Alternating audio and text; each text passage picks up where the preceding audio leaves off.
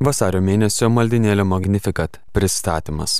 Vasario pradžioje, lik paskutinis kalėdų įvykio kordas, nuskamba Kristaus paukojimo šventė. Prisimindami šventosios šeimos ateimą į šventyklą paukoti savo pirmagimio, melžiamės ir už tuos, kurie nusprendė paukoti savo gyvenimą viešpačiui rinkdamiesi anot šventojo Benedikto regulos, nieko labiau nevertinti už Kristaus meilę.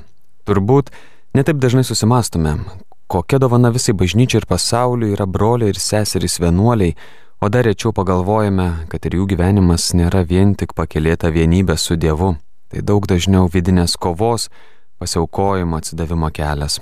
Įprastai savo maldos prašymus siunčiame į vienuolynus ir neveltui. Tai tam tikra prasme nuolatinės maldos oazės, vietos, kur nepaliaujamai užtariamas visas pasaulis.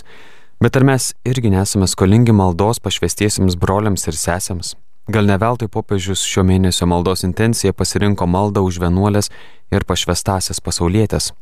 Prisijunkime prie šios maldos. Esame dėkingi Jums, pašvestieji broliai ir seserys, už Jūsų maldą ir drąsų atsiliepimą į pašaukimą. Liturginėme šio mėnesio kalendorijoje taip pat rasime gražių moterių vienuolių gyvenimo pavyzdžių - šventoji Juozapina Bahita, šventoji Skolastika, o išsameme menotyrininkės Kristinos Jokubavičianės straipsnėje apie viršelio paveikslą prisiminsime šventosios Bernadetos gyvenimą.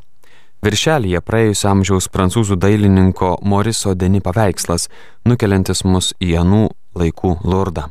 Sesuo Emanuela Linda Ceplė aptarė tylos sampratą šventajame rašte.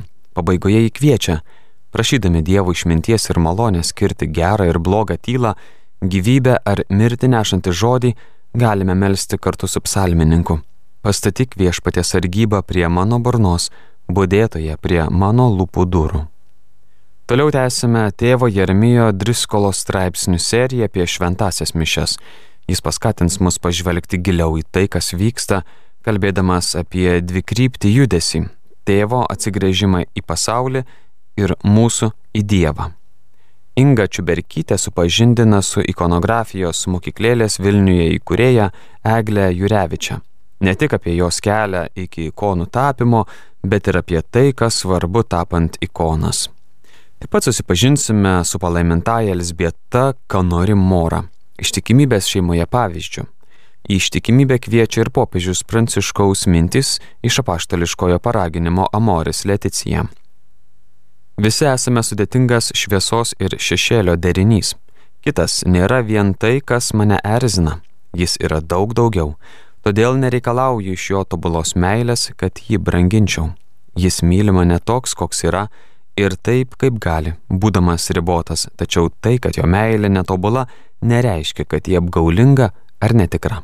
Meilė gyvuoja greta su netobulumu, visa pakelimu, sako popiežius Pranciškus.